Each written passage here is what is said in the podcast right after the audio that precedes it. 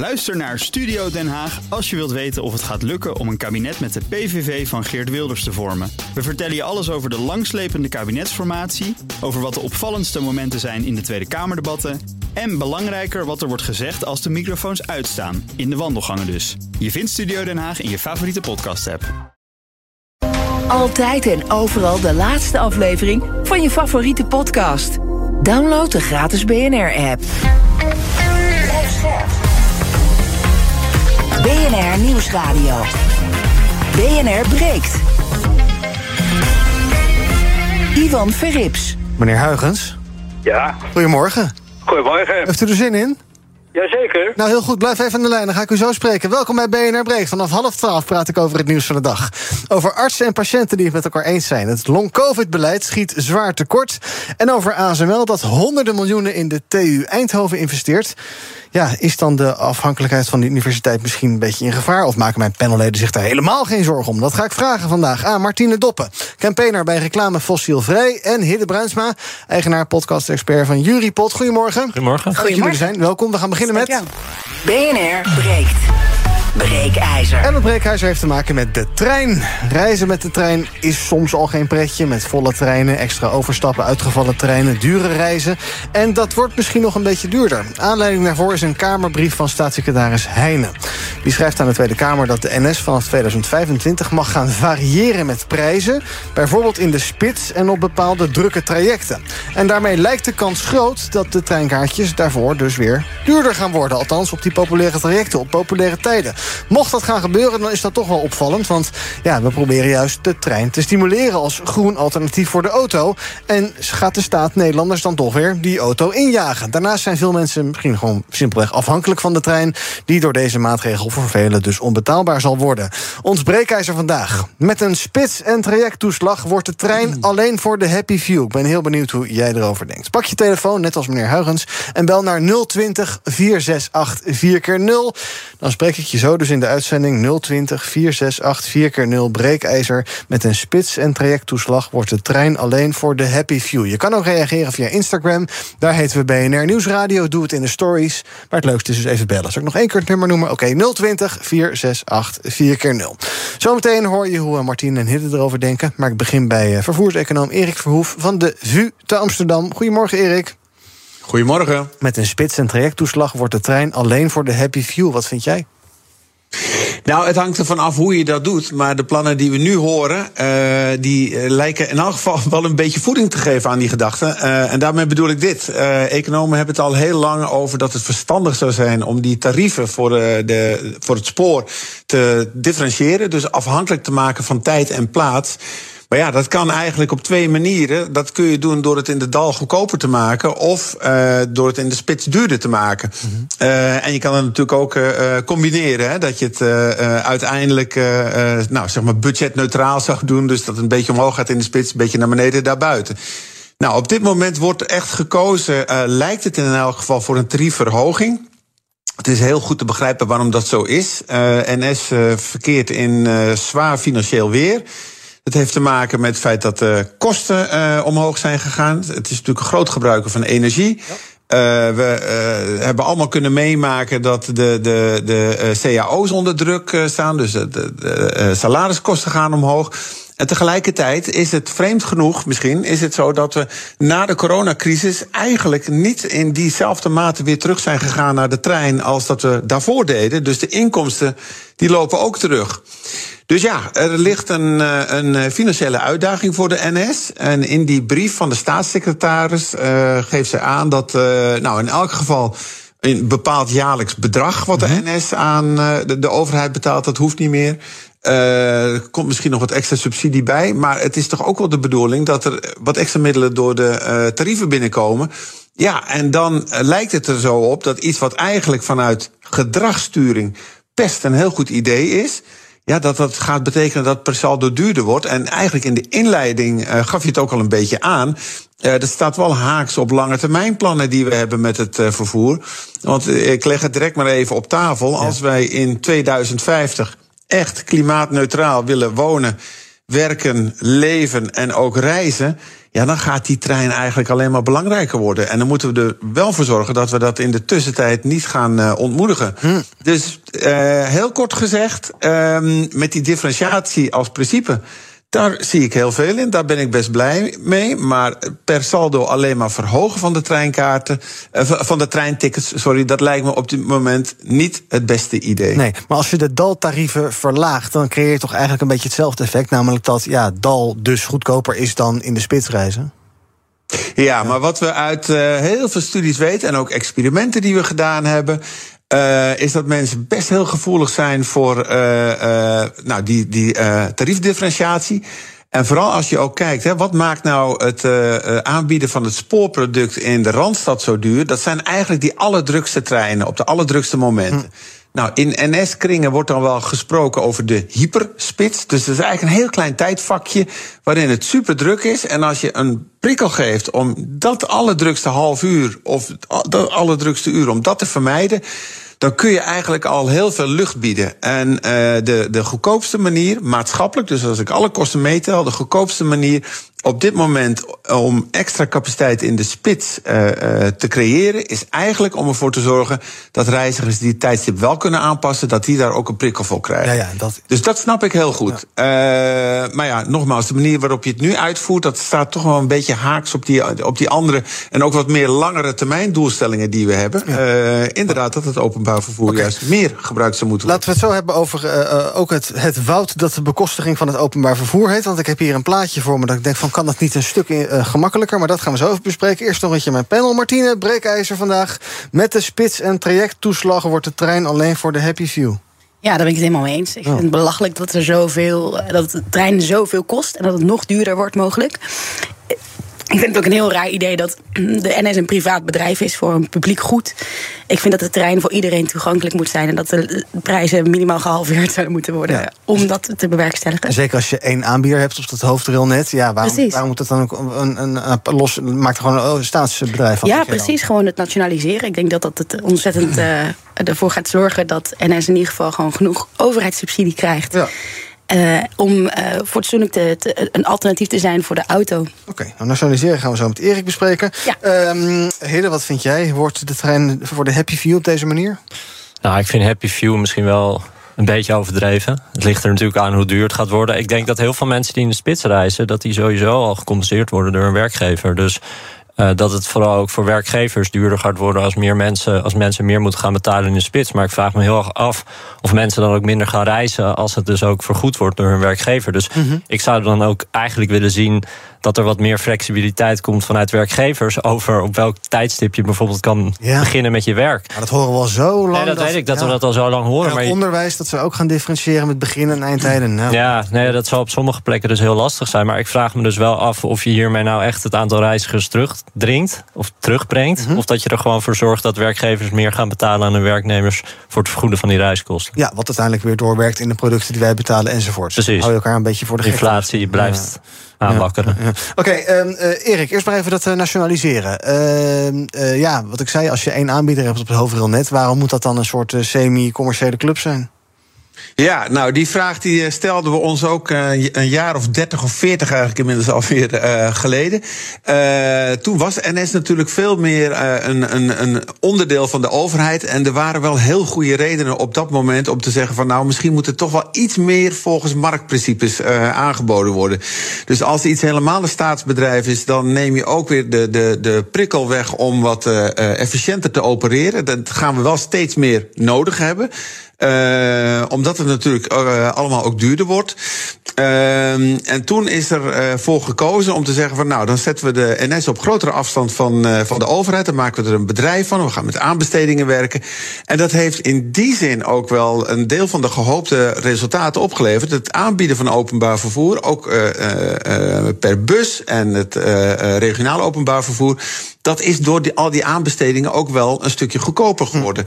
Alleen, het lijkt bijna, ik vergelijk het wel eens met de pendule... van het is of het een of het ander... of we zijn met z'n allen helemaal voor het terugnationaliseren van het uh, railvervoer... of het moet weer helemaal een, een marktproduct worden. En eigenlijk Uh, ja, en dan lijkt het een beetje een compromis. Maar het is toch echt zo, de, de beste keuze, dat ligt daar ergens in het midden. Mm -hmm. En uh, dat betekent dat je het wel op zo'n manier moet inrichten dat je wat een markt goed kan, namelijk ervoor zorgen dat, dat, dat een, een uh, product op een efficiënte manier wordt aangeboden, dat je dat zoveel mogelijk blijft vasthouden, maar tegelijkertijd dat je er ook voor zorgt dat het hè, de sociale functie van openbaar vervoer. En dat, ja, ik ben heel slecht in namen, maar dat zei de vrouw, uh, vrouwelijke panellid. Uh, Martine, ja. dat je dat wel blijft aanbieden. En wat ik daarbij ook nog wel even wil opmerken, toch, hè, als je kijkt naar dat spitsvervoer in de randstad dan moeten we ook niet het, het, het, het, denkbeeld hebben dat daar allemaal mensen met lage inkomens afhankelijk zijn van het, uh, uh, van het spoor. Want juist in de spits, in de randstad, zitten er uh, mensen met best hoge inkomens. En ja, dat is wat dat betreft ook een heel gevarieerd beeld. Zo'n openbaar vervoerproduct, dat wordt op verschillende delen van de dag en verschillende plekken van het netwerk door heel verschillende groepen gebruikt. En juist daarom moet je inderdaad ook wel een beetje in doelgroepen durven denken. Van er zitten ook best reizigers bij. Ja, die zijn misschien ook al de happy few. Ja. Nou, laten we daar eens over praten met onze bellers. 020 468 4x0. Breekijzer dus. Met een spits- en trajecttoeslag wordt de trein alleen voor de happy few. Nou, dan kan ik niet anders dan beginnen met meneer Huigens. Ja, goedemorgen. Hallo.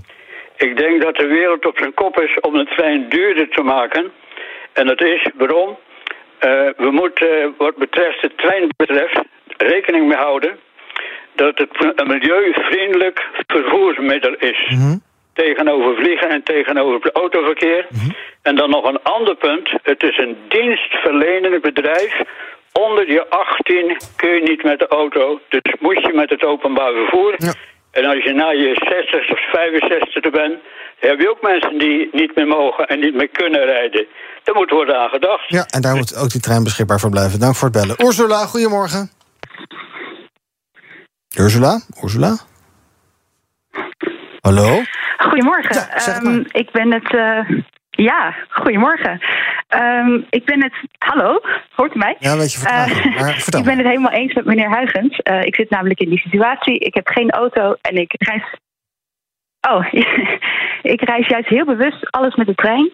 En um, ja, daarom vind ik het heel uh, frappant dat de NS nog duurder wil prijzen in de spits. Want het is al duurder in de spits. Er is een abonnement voor dalvrij en dalkorting.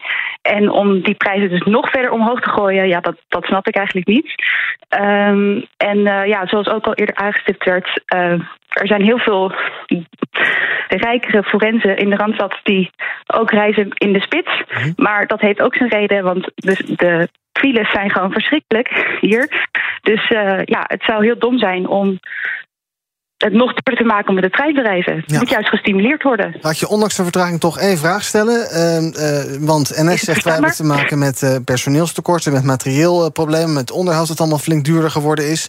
De aantal reizigers is nog niet teruggekomen sinds de coronapandemie. Dat vertelde Erik ook al. Dus ja, het moet toch links of rechts vandaan komen. Dus dan moet de staat maar bijpassen wat jou betreft. Ik wacht even het antwoord. Ze, ze is weg. Misschien Oh. zit ze in de trein ja, in de de tunnel. korting iets minder maken. Ja. Dus bijvoorbeeld in plaats van 40% korting 30% korting Mhm. maken. Dat zou het verstandig zijn. Dank voor het bellen. Jan, goedemorgen. Goedemorgen, Ivan. Nou, ik ben het ook eens met de stelling. Ehm, want ja, het is gewoon eh, heel erg duur om met de trein te reizen. Eh, er is al aangegeven, er zijn veel mensen die toch niet anders kunnen dan met eh, de trein reizen. Omdat ze geen auto hebben of eh, geen auto, geen rijbewijs halen of kunnen halen. En dan moet je iets anders kunnen. Eh, en er wordt een beetje eh, het idee gewekt dat ja, eh, de NS eigenlijk niet betere dienstverlening kan aanbieden omdat ze te weinig reizigers hebben en, en zo weinig inkomsten. Ja. Maar laten we niet vergeten dat een jaarabonnement voor een tweede klas treinkaartje, dat is zeg maar het gedeelte van de trein waar je vaak moet staan, Mhm. dat kost gewoon 6000 euro op jaarbasis Ja, per persoon. gigantisch. Dat, ja, dat, dat is echt gigantisch. En dat, dat is voor veel mensen ook niet op te brengen. En het lijkt me goed als de overheid gewoon weer een meerderheidsbelang neemt in de spoorwegen. Van mij wat ook in ProRail. Kunnen ze het onderhoud ook meteen erbij pakken. En laat de overheid het maar weer gewoon gaan aansturen. Duidelijk, dankjewel. Ik doe nog eh, één of twee, maximaal drie bellers in het blokje. Alfred, goedemorgen. Ja, ik heb een heel lijstje van dingen, dus ik zal het even proberen kort te Ja, dank houden. u. Om te beginnen, prijsdifferentiatie maakt treinreizen niet meteen onbetaalbaar. Eh, je kunt het te duur vinden, maar dan moet je gewoon de basisprijs aanpassen. Nog steeds met differentiatie. Dat is sowieso is onzin, want we hebben niet voor niets geprivatiseerd en ook opengesteld voor concurrentie. Niet iedereen, ik zie iedereen altijd staan in de tweede klas, terwijl de eerste klas, dat is de View, leeg is. En tenslotte wil ik ook nog een algemene. Er wordt veel te veel in hyperbolen gepraat. Dingen worden niet duurder, maar meteen onbetaalbaar. Men is niet teleurgesteld, maar meteen woedend. En er wordt ook in Nederland te veel geklaagd, want we hebben prima wegen, prima spoorwegen in een uiterst dichtbevolkt land en toch een heel mooie groene hart. Dus waar zeuren we over? En daar kunnen we wel een paar centen bij. Dank u wel, Alfred. En tot slot, Karim. Dag Karim. Hoi, goedemorgen. Ja, wat ik wil uh, meegeven is dat ik een beetje gek word van uh, dat elke bedrijf maar de prijzen omhoog gooit. En uh, het geld makkelijk weghaalt bij de klant om meer winst te maken. Dat zie je ook bij Shell, dat zie je bij Ahold. Ik, ik merk als, als persoon dat ik overal maar extra geld moet gaan betalen. En mijn, mijn, mijn loon wordt wel uh, uh, gecorrigeerd met de inflatie voor zoveel procent. Maar ga er maar vanuit dat ik daar veel meer uh, uh, voor terugbetaal in de supermarkten, bij de NS, et cetera. Ja. De bedrijven zijn niet meer innovatief om, om extra omzet te draaien, maar ze halen eerder weg bij de klant. En dat is gewoon een makkelijke manier van geld verdienen. Het is oneerlijk, want ik, ik kan nergens anders terecht dan bij de NS. Want er, er zijn geen concurrenten. Nee, duidelijk. Dankjewel voor het bellen, Karim. BNR breekt. Ivan Verrips. Mijn panel vandaag Hidde Bruisma, eigenaar podcast-expert bij Jurypod. Martine Doppe, campaigner bij Reclame Fossielvrij. En ook bij me is vervoerseconoom Erik Verhoer van de VU in Amsterdam. En we praten over ons breekijzer. Met een spits- en trajecttoeslag wordt de trein alleen voor de Happy View. Mag je iets vragen aan Erik? Ik wou nog zeggen dat je kan bellen naar 020 468 4x0 als je wil reageren. Hidde, jij mag iets vragen aan Erik. Ja, we hebben toch ook in, in andere delen van Nederland hebben we Arriva, volgens mij? En Pioli. En... Uh, hoe, hoe, hoe zit het daar met de situatie financieel? Hebben zij het wel op orde? Het is natuurlijk veel kleiner, maar... Ja, het is kleiner. En uh, die, die um, uh, andere aanbieders dan de NS, die zitten ook op de, nou, hè, noem het maar de regionale lijnen. Dus dat is het veel minder rendabele gedeelte van het spoornet. Dus als je uh, probeert voor te stellen, als je als echt privaat bedrijf naar de kaart van Nederland kijkt en je zou ergens een treinproduct uh, mogen aanbieden, dan zou je dat waarschijnlijk doen in de spits in de randstad. Omdat daar die vraag heel hoog is en het daar ook heel goed mogelijk is om het ook op een uh, winstgevende manier te doen. Maar toch lukt dat NS die... niet. Nou, uh, dat zeg je. Uh, eigenlijk was het zo dat tot aan uh, de coronacrisis de NS per jaar een bescheiden winst maakte. Okay. Nou zeg ik daar direct bij van die winst, dat is ook allemaal met mitsen en maren. want er lopen natuurlijk allerlei stromen van en naar overheden. En waarvan ook een belangrijk is, en het werd deels ook al aangestipt. We hebben natuurlijk die knip gemaakt waarbij uh, uh, ProRail en, NS destijds uit elkaar zijn gehaald. Dus als je de kosten van het aanbieden van de infrastructuur meerekent, dan is het spoor systeem als geheel, daar draagt de overheid wel aan bij. Maar in elk geval, de NS ja, legde eigenlijk tot aan de coronacrisis heel nette jaarcijfers voor. Daarna is echt de klad erin gekomen. Dat is die combinatie van. Ja, en soms is de economie heel makkelijk. Daarom ben ik ook econoom geworden. Maar als de opbrengsten minder worden en de kosten worden hoger, ja. Ja, dan simpele ga je lopen. Ja. Uh, even Ja. een hele simpele vraag. Ik zag de, bij de website van de NOS een vrij overzichtelijk uh, grafiekje. Althans, vrij overzichtelijk, maar een fijn grafiekje waarbij je drie ministeries ziet. In het midden staat NS, onderaan staat ProRail. En dan zie je welke stroompjes er allemaal lopen. En dan zie je dat OCMW een stukje betaalt aan NS via de studentenreisproduct. Dat de infrastructuur en waterstaat, die betaalt dan weer aan ProRail. Maar ProRail maakt ook weer geld over terug. NS krijgt zijn geld uh, van onder andere stations, kaartjes en dergelijke. Moet dan een deel afdragen aan financiën, een deel naar INW. Betaalt 400 miljoen per jaar aan ProRail. Kan dat niet makkelijker? En doe er gewoon daar wat geld bij. In plaats van dat die kaartjes omhoog moeten.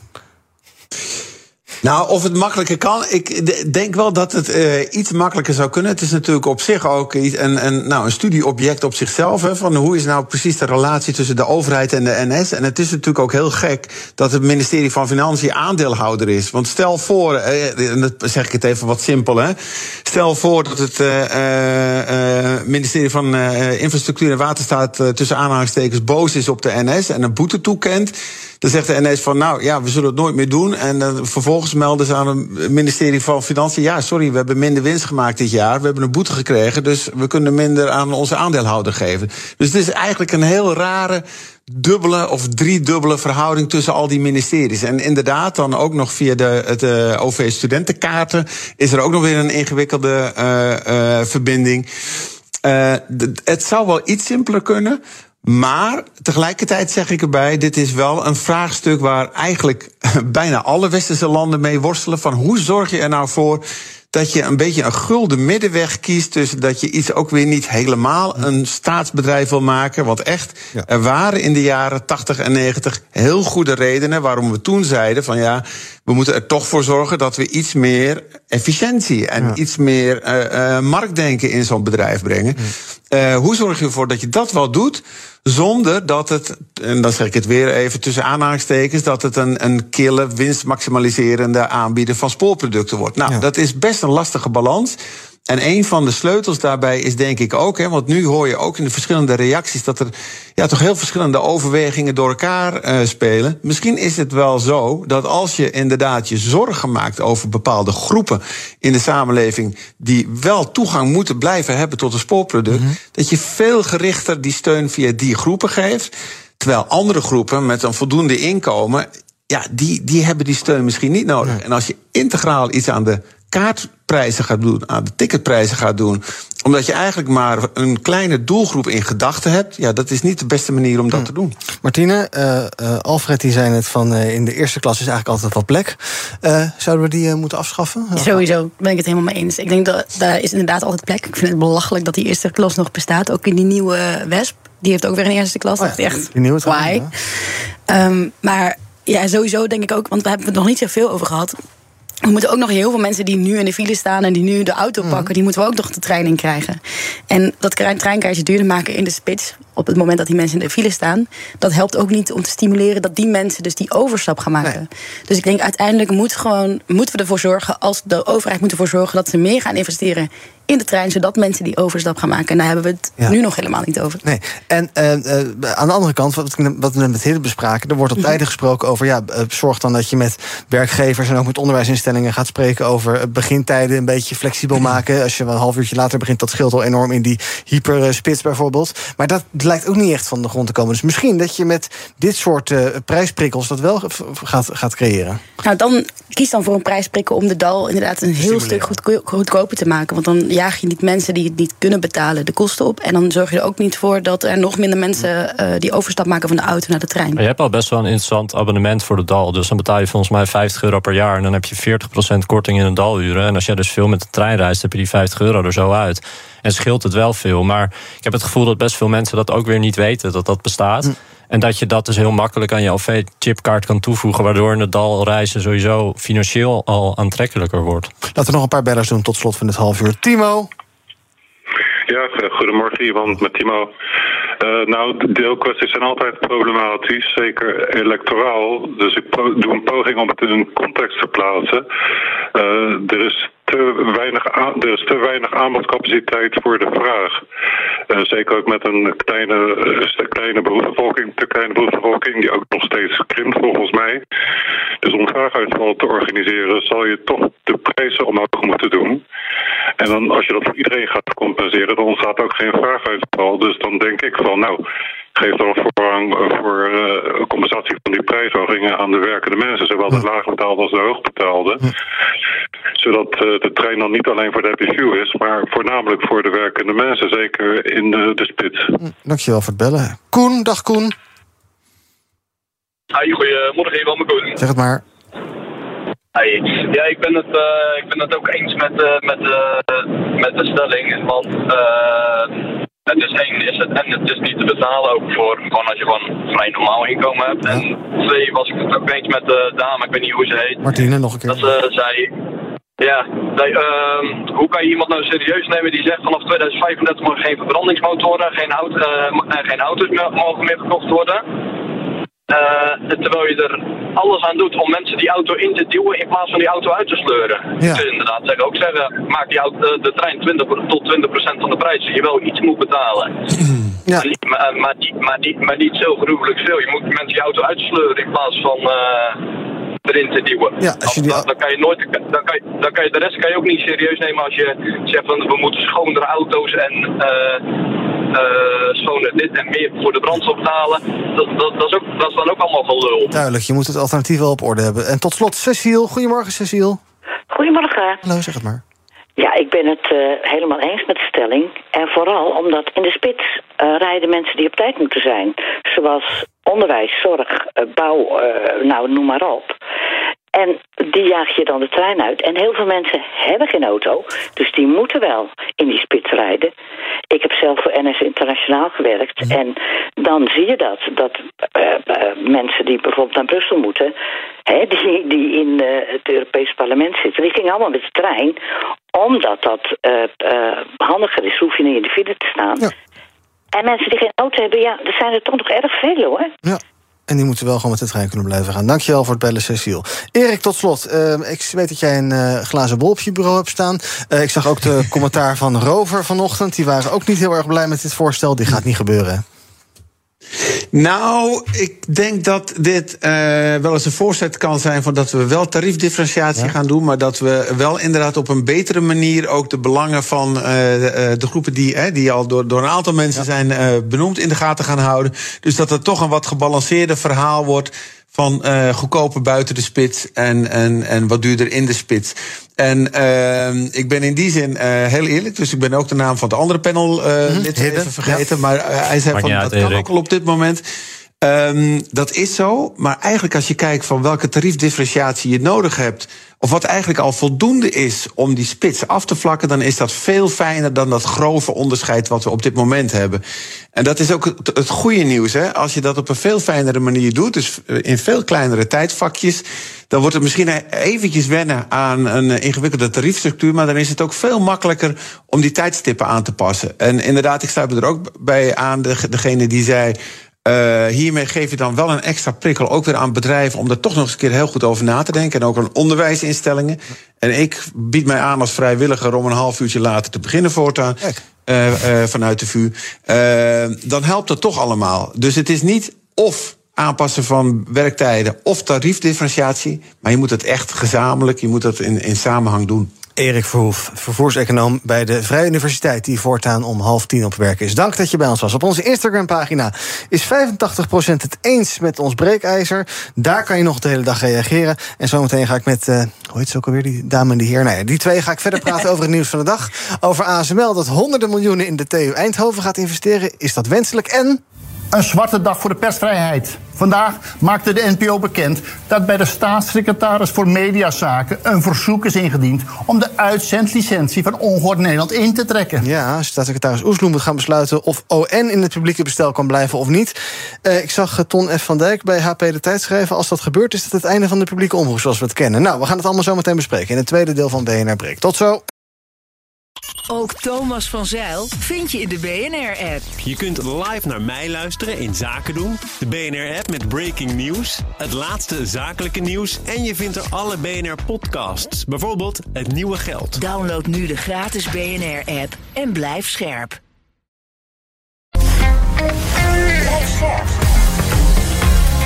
BNR Nieuwsradio. BNR breekt. Ivan Verrips. Welkom terug in mijn panel vandaag. Martine Doppen, campaigner bij Reclame Fossielvrij... en Hidde Bruinsma, eigenaar en podcast-expert bij Juripot. En we gaan praten over het nieuws van de dag. Te beginnen met long-covid. Want long-covid-patiënten zijn volgens artsen... het slachtoffer van een op geld gericht zorgsysteem. Dat schrijft het Algemeen Dagblad vandaag. Na drie jaar corona zou de zorg voor mensen met zware long-covid... nog steeds zwaar onder maat staan. En er zijn allerlei deskundigen en ook patiënten die zeggen... ja, wij hebben nog steeds hier problemen mee. ik zag een quote in het AD-artikel, en dat is een beetje cru, maar misschien wel waar. Als je kanker hebt, gaan alle deuren open. Het kost vaak een vermogen, maar je wordt maximaal geholpen. En zo hoort het ook. Maar bij long-covid doet iedereen de deur voor je dicht. Martine, als jij die verhalen zo hoort, het is maar, eh, dit blijft maar doorgaan. Elke week zijn er wel verhalen over long-covid. Waarom weten we dat niet met elkaar te fixen? Is dat onwil of zo? En volgens mij is het hetzelfde probleem als bij de NS. Het publieks wat privaat is gemaakt, of deels privaat is gemaakt. En ik denk, gezondheid zou ook gewoon een publiek goed moeten zijn. En het gaat nu eigenlijk vooral over inderdaad winst van zo'n bedrijf. En er wordt niet, nou mensen worden vooral voor hun leven gered, maar niet genoeg aandacht is er voor de kwaliteit van leven. Ja. En bij long COVID zijn het ook vaak klachten die niet heel specifiek zijn. Dus het is vaak heel erg moeheid. Uh, maar wel uh, die ontzettend de, de, kwaliteit van je leven heel erg negatief beïnvloeden. Dus inderdaad, mensen die kanker hebben, die worden, hun leven wordt letterlijk mm -hmm. gered. Want anders dan sterf je snel. En nu is eigenlijk de kwaliteit van leven, ja, slecht, maar je leeft wel. En daar Ja. wordt gewoon in, eigenlijk in alle facetten van de gezondheidszorg wordt daar niet goed geïnvesteerd. Nee, maar je- in preventie wordt ook niet goed geïnvesteerd. Nee, hij zegt het is een beetje hetzelfde probleem eh, publiek-privaat, die afweging. Maar Ja. dit is toch iets wat een ministerie bepaalt. En de ja, ziekenhuizen zijn misschien de uitvoerders en de zorgverzekeraars enzovoorts. Maar als Ernst Kuipers hier zijn eh, eh, stempel op wil drukken, dan kan hij dat toch gewoon doen? Zeker. En dat, die keuze maakt hij op dit moment niet. Nee. Maar ik denk wel echt dat het, dat het te maken heeft met dat privaat-publiek.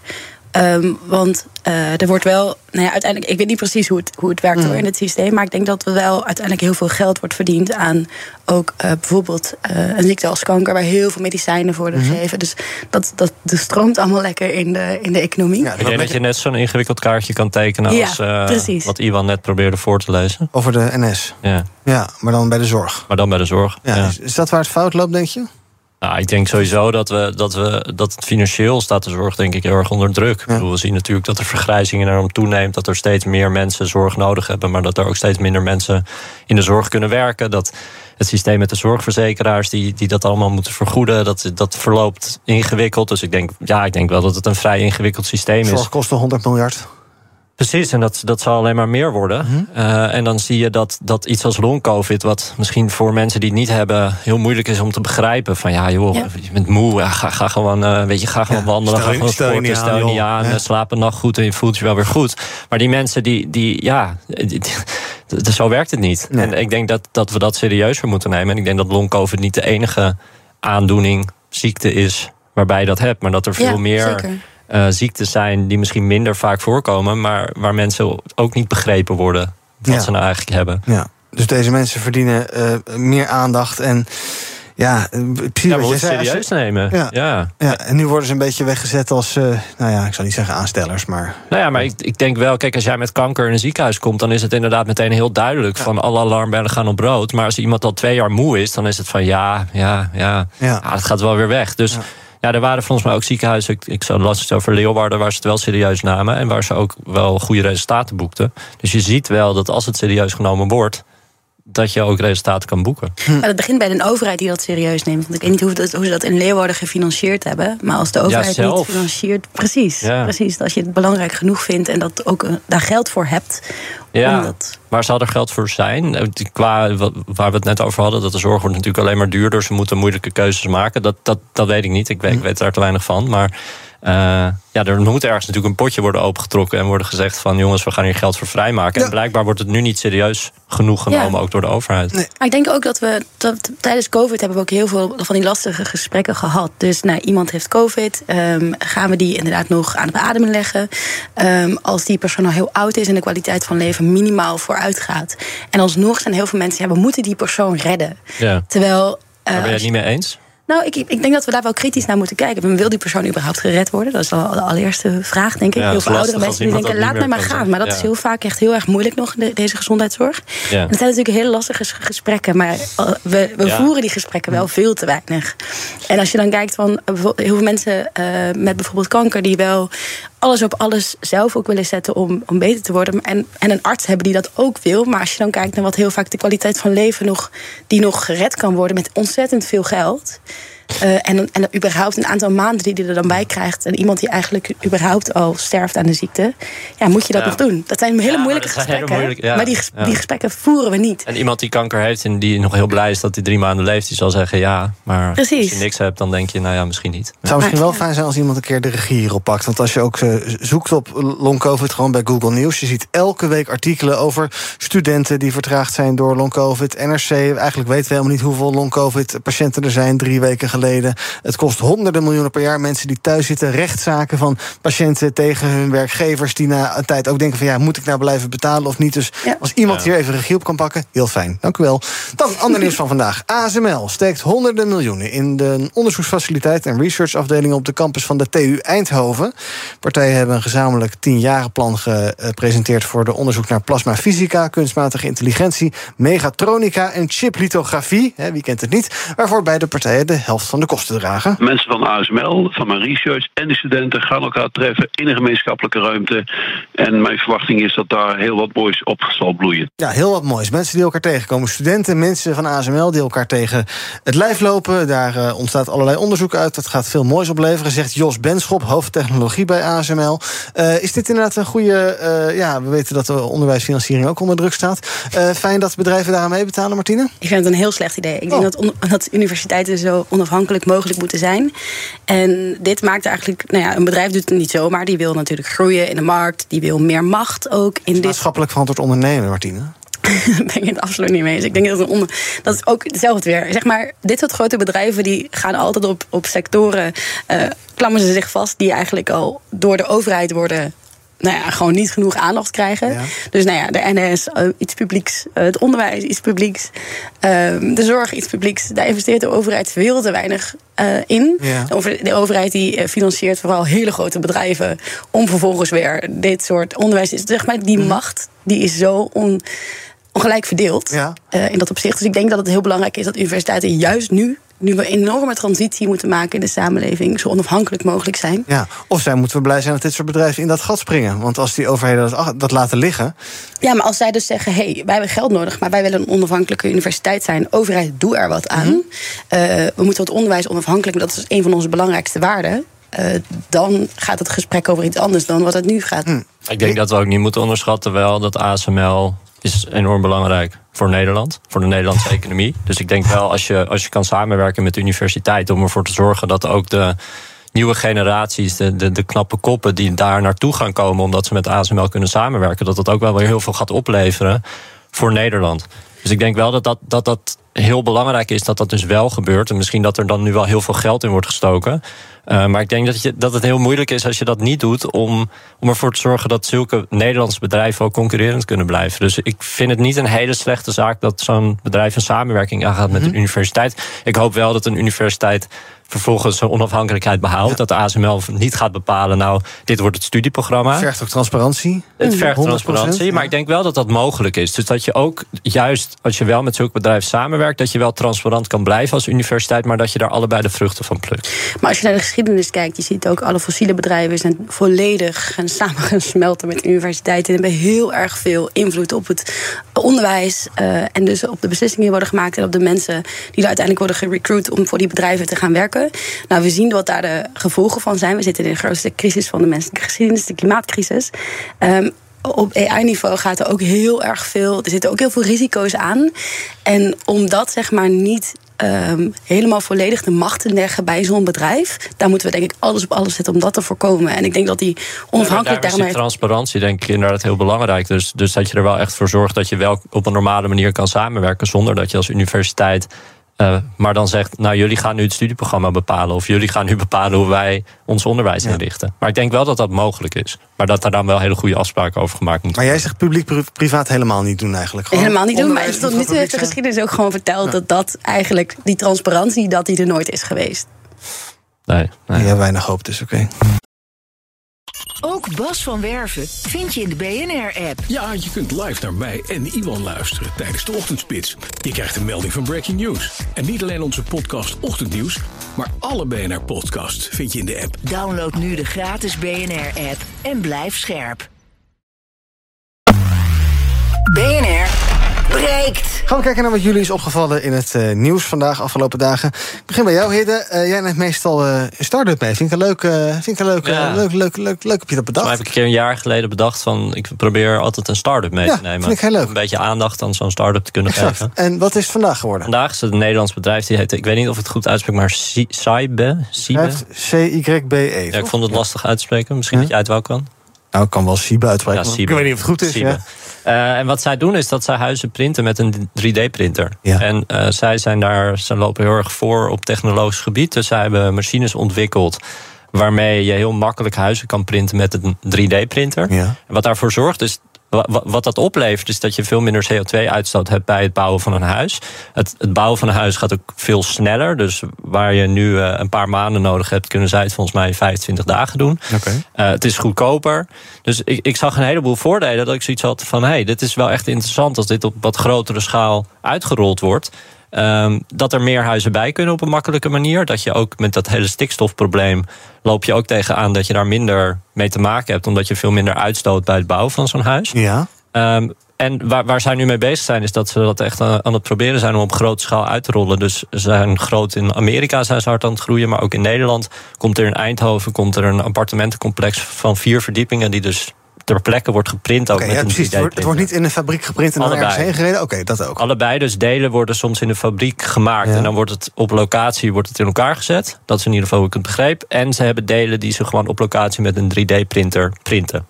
En waar worden die huizen van gemaakt? Wat voor grondstoffen? Van cement, nu nog. Maar ze zijn dus heel erg aan het kijken of ze dat cement ook duurzamer kunnen maken. Dus dat Mhm. ze daar andere factoren aan toevoegen, waardoor het ook duurzamer materiaal wordt. Ja. Eh, maar het cement is sowieso veel. Het is, het is veel dunner dan het cement wat nu wordt gebruikt als ze huizen bouwen. Maar de kwaliteit is hetzelfde of zelfs beter. Dus in Eindhoven staat ook al een huis die helemaal geprint is door een 3D-printer. Die wordt ook verhuurd, 90 vierkante meter. En die is qua duurzaamheid en qua isolatie is die ook extreem goed. Mhm. Eh, dus het lijkt erop alsof ze hele goede resultaten kunnen bereiken met deze technologieën. Ja, je zou denken, het is een kwestie van tijd voordat een grote bouwer dit overneemt, toch? Want je Ja. wordt nu nog heel veel traditioneel gebouwd. Ja, nou ja, deze jongen die dit heeft opgezet, zijn familie heeft volgens mij een bouwbedrijf die in de top 5 staat van bouwbedrijven in Oh. Nederland. Dus het is wel iets wat vrij makkelijk, denk ik, op een gegeven moment kan doorgroeien naar een groot bedrijf. Ehm, maar het is iets wat we nu nog niet zo heel veel zien. Maar ik denk dat dit wel de komende jaren eh, steeds, eh, steeds groter gaat worden. Oh, dan kunnen we toch nog bouwen, bouwen, bouwen. Gelukkig. Maar dan via een 3D-betonprinter, dat is toch... Precies. Martine, jij wil het hebben over... eh, het is een beetje een eh, een wc-eend verhaal, maar dat geeft niet. De zaak van Fossielvrij NL, die jullie steunen, hè? Ja, Eh, tegen KLM over green, greenwashing in reclame. Kan invloed hebben op de hele sector. Dat is een kop van NRC. En dat heeft onder andere te maken met KLM. Hè. Zij zeggen van ja, klimaatdoelen, daar, we hoeven niet minder te gaan vliegen. Maar wij moeten nieuwere, schonere toestellen gaan kopen. En als we dat doen, dan halen we die klimaatdoelen alsnog. Ehm, nou, ik weet wat jij daarvan vindt. Ja. Ehm, eh, eh, maar jij denkt dus dat een, een zaak daarover... dat die in de hele sector gevolg kan hebben. Moet je even uitleggen. Ja, dus we hebben afgelopen week eh, stond ik ook in de rechtszaal met, tijdens die zaak. En daar werd bepaald of we ontvankelijk worden verklaard. Dus dit is pas het eerste gedeelte van die zaak. KLM vindt van niet, hè? Die vindt KLM vindt van niet die- dat wij niet ontvankelijk zijn verklaard, Nee. zouden verklaard moeten worden. Maar wij vinden natuurlijk van wel. Ehm, en kijk, als vliegindustrieën, vliegbedrijven geen reclame meer mogen maken, dan stopt de groei. Mhm. En nou ja, in ieder geval moeten we, we moeten uiteindelijk krimpen. Maar we moeten ook in ieder geval stoppen met het groeien van die eh, vliegindustrie. En eh, die reclames die zijn vooral, gaan vooral over hoe groen ze zijn. Dus dat je eigenlijk, ze suggereren het idee dat, je, dat vliegen duurzaam kan. En hun plannen voor de komende zeven jaar, ook tot 2030, dan zijn er bepaalde doelstellingen willen zij ook eh, aan voldoen voor het, onder het eh, akkoord van Parijs. Eh, die, eh, die zijn gebaseerd op eigenlijk die, ja, ehm, technologieën die er nog niet zijn. eh, biobrandstof die nooit op die schaal geleverd kan worden. Dus het is echt een, in, ja, het is ontzettend misleidend om te zeggen: hé, hey, vlieg maar met ons, want dat kan op een duurzame manier. Want vliegen is niet duurzaam. Dus, eh, en om, als wij laten zien bij de rechter dat dat misleiding is, wat ook helemaal niet mag. Dus het staat gewoon in de wet dat je niet mag misleiden. Dan geldt dat mogelijk ook voor de hele industrie. En KLM is natuurlijk de grootste van Nederland qua, eh, qua vliegcompanies, qua vliegbedrijven. Dus als wij laten zien bij de rechter van hé, hey, dat misleiden wat zij doen, dat mag niet, dan is mogelijk dat dus ook een nou ja, effect voor alle andere vliegmaatschappijen. Ja, en andere fossiele bedrijven die wellicht ook heel erg op, op eh, eh, eh, innovatie hopen. Ja. Dat is vaak dus, je zou, je zou hopen dat het zou werken, toch? Dat we inderdaad wel kunnen blijven vliegen. Dan kan iedereen lekker op vakantie wat je wil. Ja. Op een duurzame manier. Maar dat gaat dus gewoon niet gebeuren. Nee, precies. Ik doe zelf al sinds 2018 onderzoek ook naar nou ja, wat eigenlijk die mogelijkheden zijn op mobiliteit, ook internationaal. Want internationaal treinreizen, dat is ook nou, super duur. Het duurt vaak super lang. Eh, zijn er andere manieren en dan die eh, hyperloop zijn er wel eens over Ja. gepraat, ontzettend duur. Infrastructuur aanleggen voor Infrastructuur aanleggen is hartstikke duur. Ja, er is wel precies. een Nederlands start-up die werkt aan een, een elektrisch vliegtuig. Weer een start-up. Ja, maar dat is zeg maar.